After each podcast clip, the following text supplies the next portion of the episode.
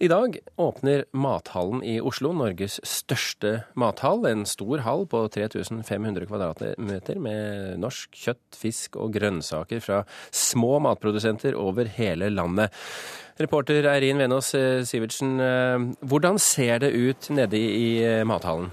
Jo, dette er en eh, stor bygning i glass eh, og eh, murstein. Det har vært et gammelt broverksted, ligger rett ved Akerselva i indre øst i Oslo.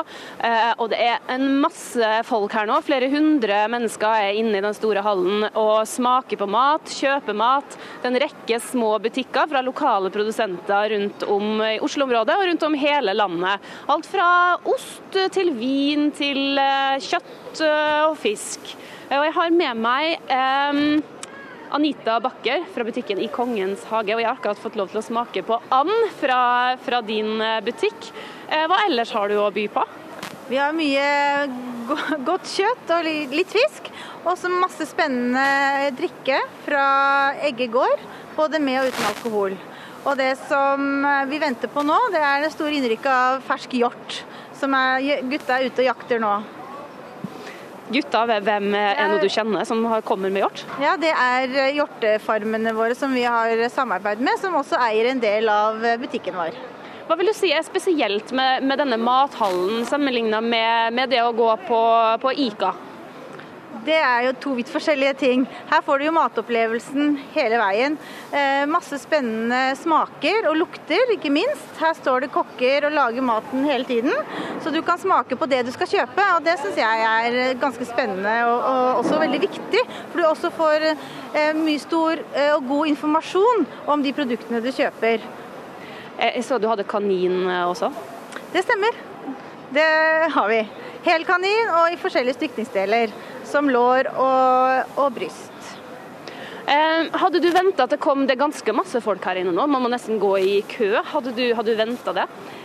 Ja, det har jeg ventet på. fordi at eh, på forsmak så var det jo veldig masse mennesker.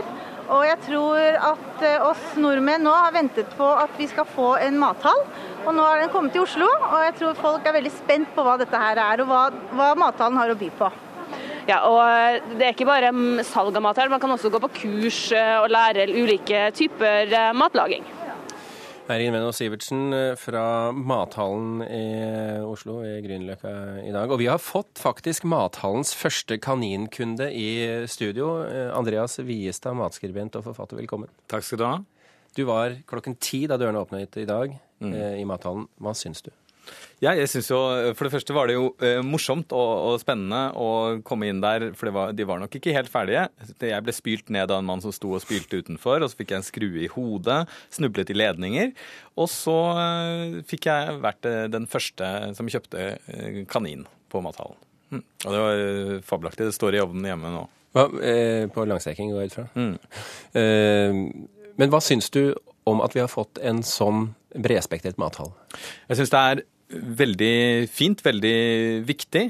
Og jeg må si at jeg også var litt nervøs når jeg dro dit, fordi det har vært mye snakk om dette her. Og uh, man kan jo frykte at det bare blir hype, men jeg syns at det var en veldig fin bredde rundt det. Jeg tenker at uh, matinteressen blant nordmenn har vært økende de siste årene.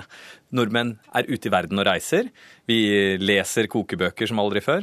Men ofte kan det være ganske mye jobb å rett og slett eh, utføre en del av de oppskriftene. Og på en måte hvis du har inspirasjonen, så er ofte veien eh, fram til resultatet ganske lang. Eh, her er en god del småprodusenter som ellers ville bli kalt nisjeprodusenter, samla under samme tak. Og da blir det mye, mye, mye lettere Eh, tilgjengelig. Sånn at eh, det er ikke sånn at eh, men, men, gjør det prosessen matlaging noe lettere? Ja, det gjør det på en måte. fordi at hvis du hadde vært nødt til å dra ut til kaninfarmen for å få tak i kaninen, og så vært nødt til å dra til ostedamen for å få tak i osten, og så vært nødt til å dra til fiskebutikken Altså det er noe med det Det som supermarkedene har forstått, er at det er helt supert å ha alt under samme tak. Men det er like supert, eller enda mer supert, å ha masse småprodusenter under samme tak. Men hva, hva slags innvirkning på det kulinariske fantastiske Norge tror du denne mathallen kan få, om noen i det hele tatt?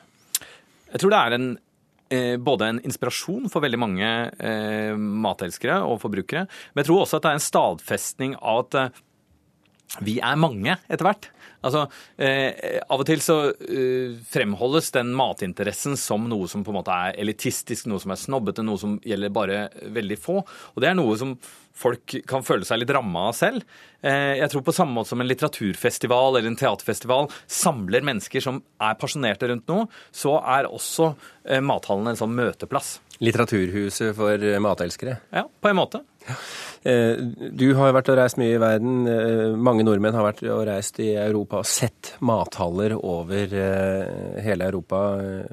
Om ikke annet for å gå bare og se det. Hvordan står denne mathallen seg i sammenligning med europeiske mathaller? Um er, det er jo et stykke opp til det aller beste, men det er skyhøyt over det beste andre vi har i Norge. Så jeg mener det er et kjempestort, et, et veldig stort løft. Du nevnte selv supermarkedene. Hvordan vil mathallen i Oslo påvirke kanskje i første omgang supermarkedene rundt i Oslo, men også senere i landet? Der er jeg kanskje litt mer kynisk. Altså, jeg har sett at de store aktørene de er veldig flinke til å etterligne de små når det gjelder liksom emballasje og branding og den type ting. Men produktene er ofte ganske like. Her eh, er det noe annet du får. Du får ofte små, sære ting. Eh, for eksempel da, så hadde de vill, altså, bryst av villgås, og da er det sånn Da blir det skutt så og så mange gjess, og når eh, når de er solgt ut, så er det ikke mer igjen. Og det er, det er, en utrolig inspirerende ting. Har du tro på fremtiden til mathallen i Oslo? Ja, det har jeg. Eh, det var jo også på en måte eh, Hvis det bare hadde vært veldig små og sære ting, så ville jeg, eh, så ville jeg tenkt åh, dette er en butikk bare for meg. Men her er det en stor bredde. Andreas Vistad, tusen hjertelig takk for at du kom til Kulturnytt nå i ettermiddag.